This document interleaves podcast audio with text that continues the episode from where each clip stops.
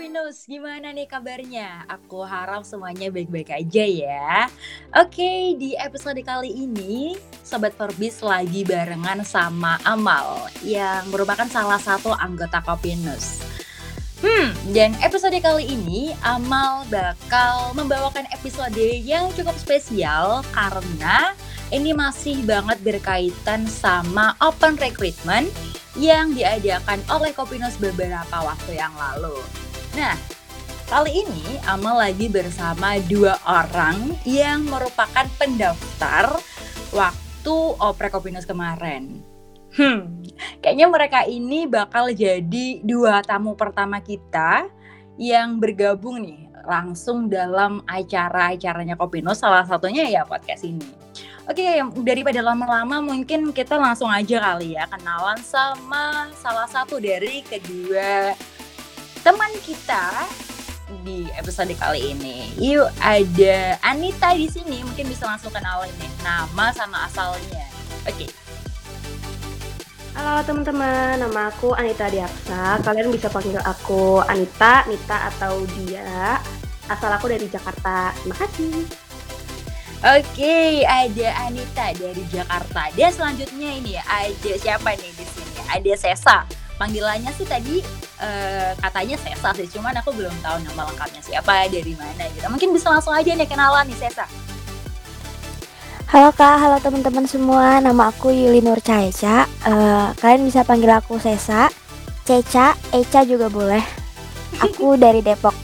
Oke, dari Depok. Satunya dari Jakarta, satunya dari Depok. Uh, jauh ya, jauh. Kalau misal dibandingkan dengan asalku, karena aku asalnya itu dari Kediri Jawa Timur. Mungkin ini kota yang cukup kecil dan belum terlalu dimengerti oleh banyak orang ya. Oke, aku mau tanya nih sama salah satu siapa dulu ya yang aku tanya. Um, dari Anita dulu, nanti nanti ke Sesa gitu aja ya.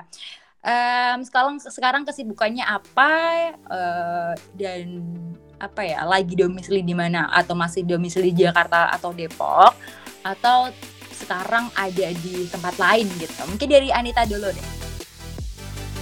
Um, aku baru banget lulus SMA tapi alhamdulillah udah dapet uh, perguruan tinggi negeri.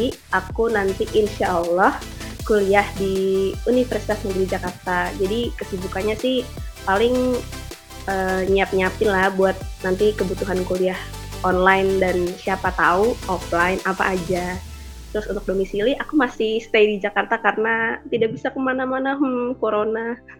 Iya sih, iya sih bener banget emang COVID tuh emang cukup menyebalkan ya. Udah berapa tahun sih kita udah hampir dua tahun gak sih kayak gak bisa ke mana-mana. Iya bisa pun tuh cuman terbatas banget banget gitu.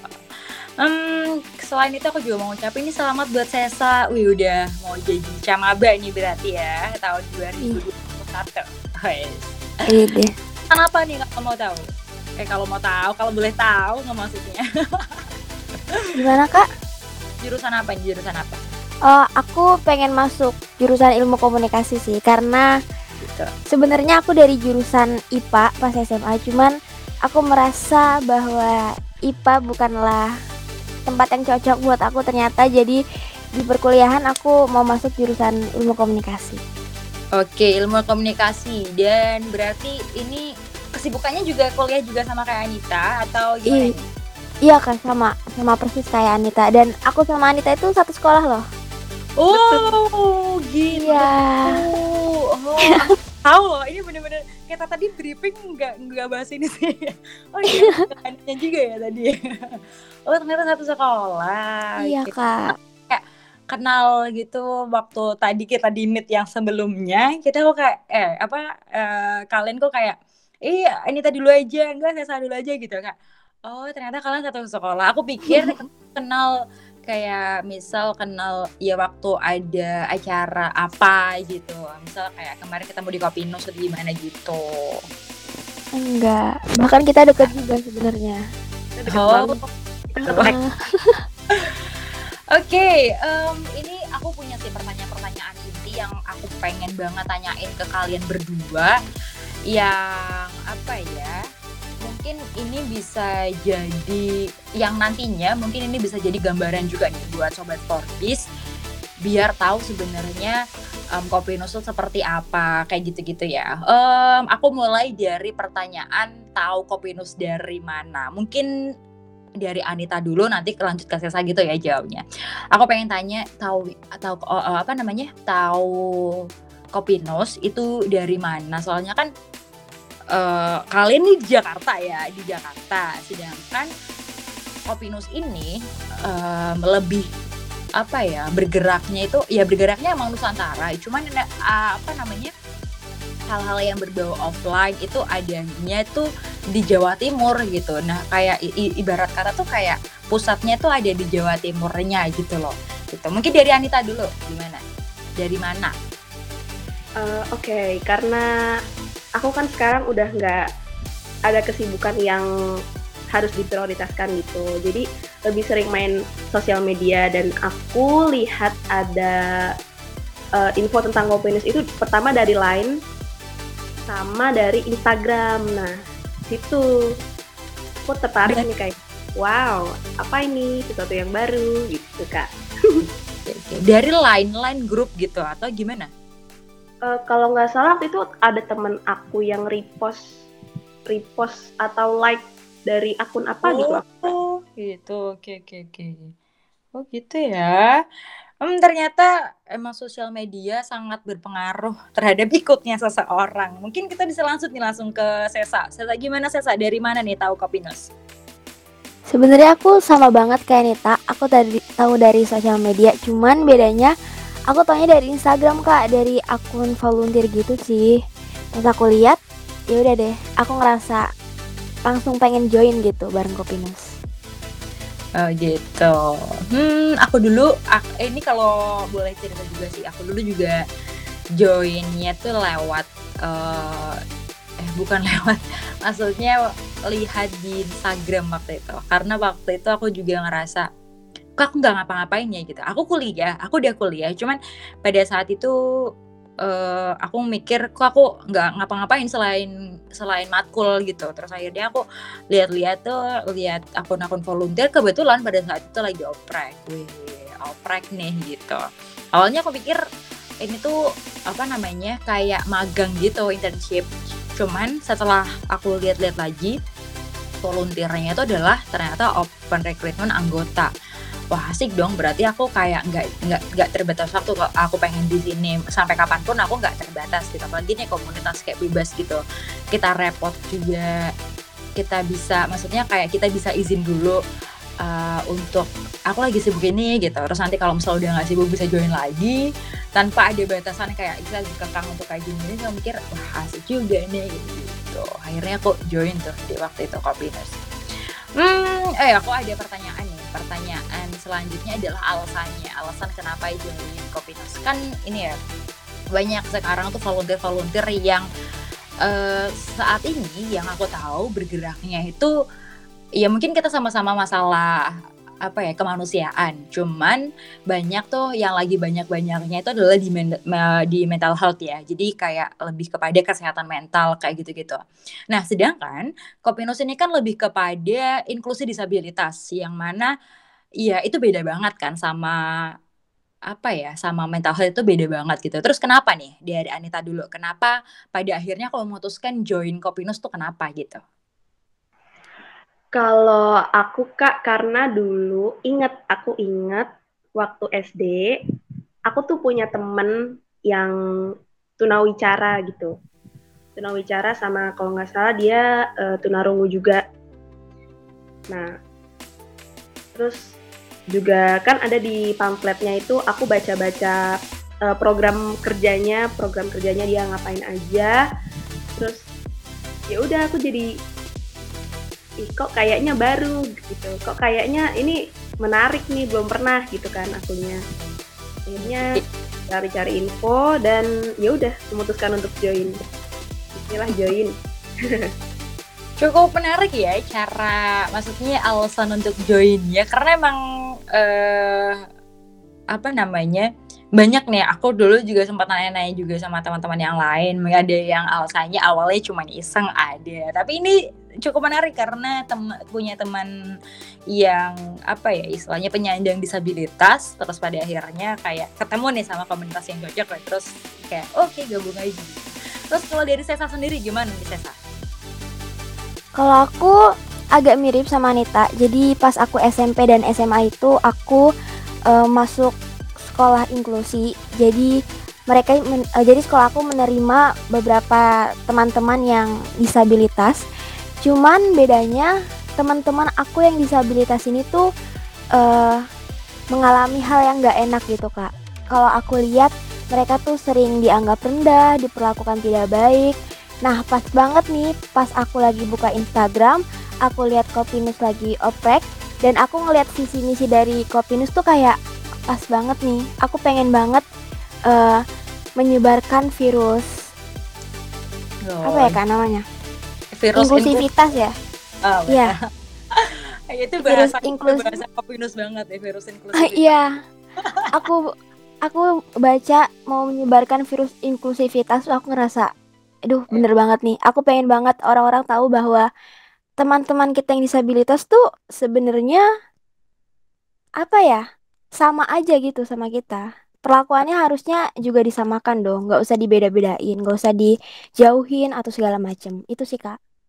Oke, cukup menarik nih pembahasan dari dua teman kita nih Sobat Forbes. Yang mana kayaknya tadi dari jawabannya si Sesa itu menyangkut nih sama pertanyaan aku selanjutnya. Karena aku punya pertanyaan nih karena uh, apa ya aku tadi barusan di briefing itu ya di briefing sama ketua bapak ketuaku yang uh, dikasih tahu aku uh, dikasih tahu aku kalau misal ternyata kemarin itu ada serangkaian acaranya. Jadi ibarat kata tuh kayak pengetahuan dasar pengetahuan dasar kopinus gitu yang dilaksanakan selama tiga hari ini kalau nggak salah. Kalau nggak salah seperti itu sih. Um, udah ada kata virus inklusivitas. Berarti ini pengetahuan dasar Kopinusnya kayaknya udah dapet. Kalau gitu aku langsung aja tanya dulu ke Sesa.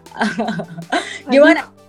Oke, sebenarnya ini baru aja aku tahu setelah aku ikut acara Kopinus tiga hari kemarin.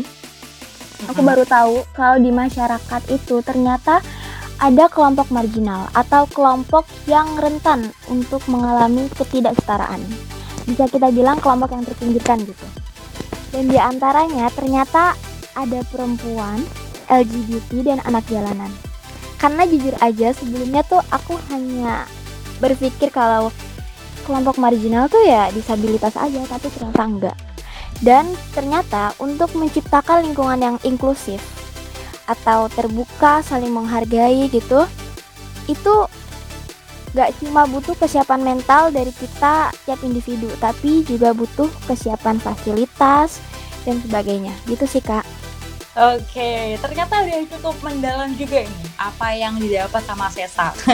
Setahu gue nih, aku dulu selama masuk di uh, apa namanya di Kopinos, aku nggak sebegitu taunya. Jadi ketika aku ada di Kopinos, maksudnya ikut ngopi, uh, ikut jam ngopi pertama kali, rasanya tuh kayak apa nih bahasa apa nih ini bahasa apa nih gitu kayak oh my god gitu hmm, ternyata Sesa sudah cukup nih juga mendalami uh, tentang pengetahuan dasar Kopinos. Nah sekarang langsung geser nih ke Anita. Gimana Anita? Apa yang udah kamu dapetin selama pengetahuan dasar Kopinos kemarin?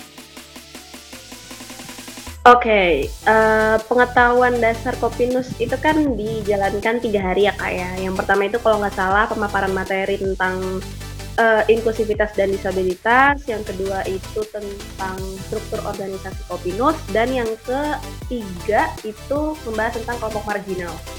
Jujur, aku awam banget sama istilah inklusi, inklusif, masyarakat inklusif atau atau inklusivitas gitu-gitu. Terus hmm. pas dijelasin kemarin, itu sebenarnya aku masih gimana ya? Masih bingung, masih ah maksudnya gimana sih gitu. Oke. Okay. tuh kayak dikasih gitu kan PPT-nya gitu. Mm -hmm. Terus aku aku ngerti aku mulai ngerti bahwa uh, intinya masyarakat yang inklusif atau ya virus inklusivitas tadi tuh di apa ya di beberapa keadaan kondisi tuh kayak masih kurang banget dan kayak emang perlu okay. banget disebar betul kata Citra yeah. perlu banget disebar karena uh, sebenarnya penyandang disabilitas itu harusnya punya akses yang sama kayak kita gitu tapi karena masyarakatnya tidak terbuka tidak atau kurang terbuka gitu ya kak ya jadi uh, kesempatan mereka tuh tertutupi gitu bukannya malah dipenuhi jadi tertutupi gitu kak Oke, okay. jawabannya cukup berbobot nih antara keduanya nih. Aku jadi bingung jadi host kayak kok kayaknya di antara kita bertiga aku yang paling nggak tahu nih. Aduh kayak Dimas tolong dong kayaknya aku butuh ini juga deh butuh rangkaian acaranya juga deh. Kalian hebat banget sih selama tiga hari udah bisa mendapatkan sebegitunya nih. Uh, apa namanya mengenai apa itu inklusif, apa itu marginal, kayak gitu-gitu dia udah mulai memahami dan udah mulai terbuka juga bahwasanya emang selama ini uh, apa ya teman-teman kita para penyandang disabilitas ini emang arenanya itu rasanya tuh uh, sempit banget gitu. Hanya orang-orang tertentu aja bukan cuman bukan cuman karena fasilitasnya yang kurang tapi emang orang-orangnya yang belum sadar kalau apa namanya para disabilitas ini adalah uh, adalah orang-orang yang perlu loh dikasih ini perlu loh gitu-gitu tuh masih kurang gitu. Hmm, betul. Kayak gitu-gitu masih kurang. Oke okay, ini jawabannya sangat-sangat hebat banget dari keduanya. Tapi ini belum uh, belum jawaban terakhir karena aku masih punya pertanyaan lagi. Di pertanyaan ini nggak tahu sih bakal jadi pertanyaan terakhir atau enggak, tapi kayaknya ini menuju terakhir yang mana pertanyaannya adalah kesan kesan dari Sesa dan juga Anita selama ikut acara itu. Aku mulai dari Anita dulu deh. Gimana nih? Um, kesannya, uh, terus harapannya juga deh kalau boleh kesannya sih pertama uh, kakaknya tuh baik-baik banget kayak super aku kira tuh bakal kayak kayak ngerti ya sih kakak-kakak organisasi yang oh. I know what you mean. Pengalaman ya Nit?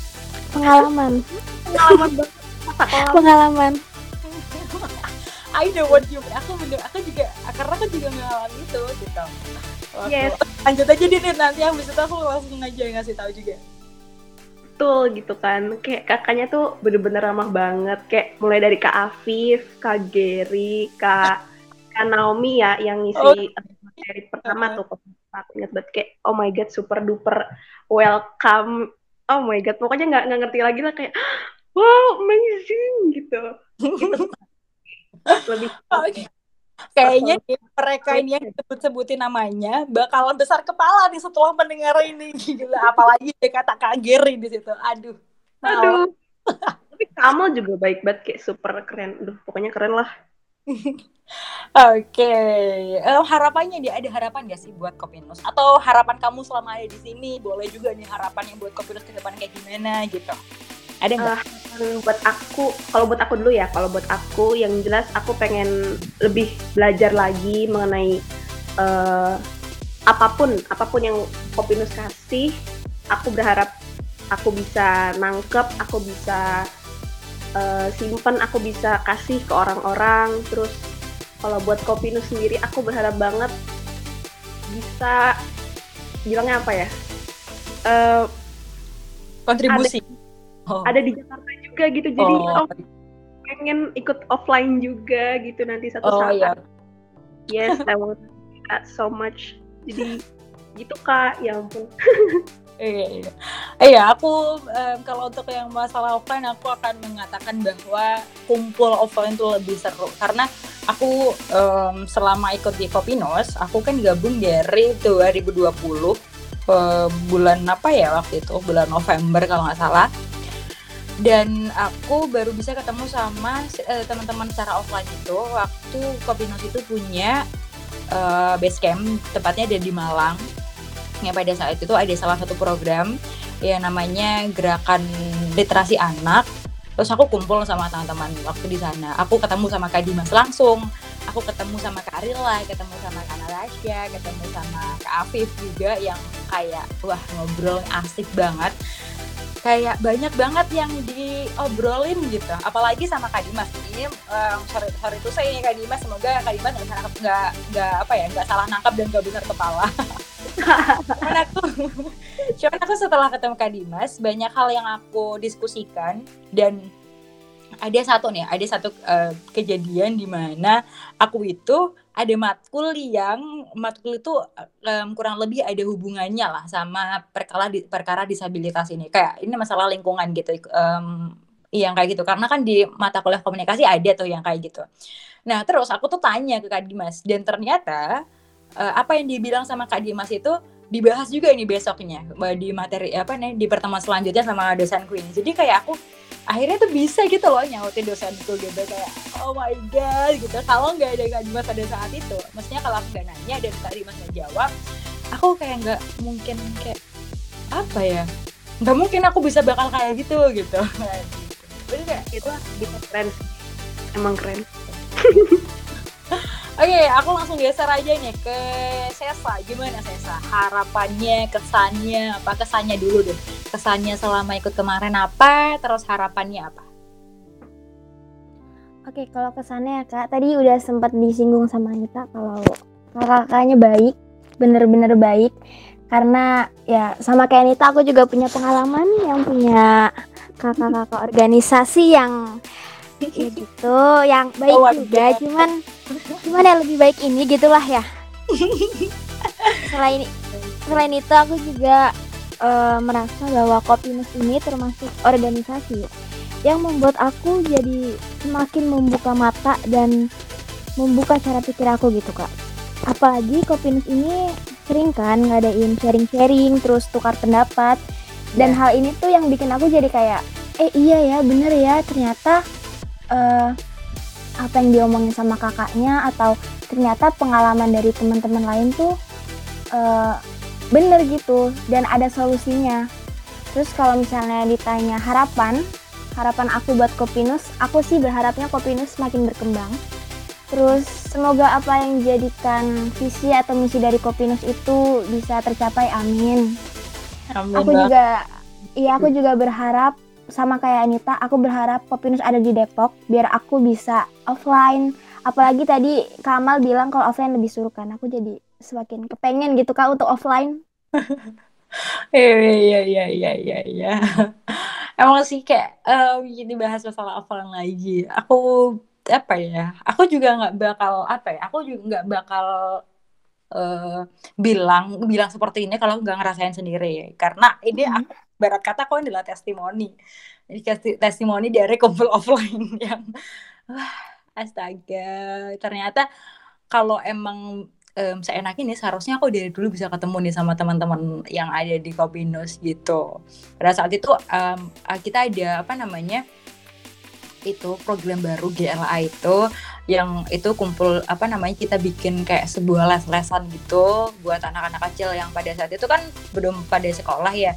Jadi belajarnya tuh di sana ngerjain PR sebagainya gitu gitu asik banget pada saat itu. Terus kayak selain asik gara-gara anak kecilnya asiknya ya gara-gara itu ketemu sama teman-teman terus ngobrol ini itu. Terus eh, kalau misal nih kalau misal nggak ada jam offline pun eh maksudnya waktu offline pun kita masih punya nih waktu-waktu online yang kadang itu kayak nggak ada gimana. Maksudnya ini misal jam ngopi harusnya hari Selasa.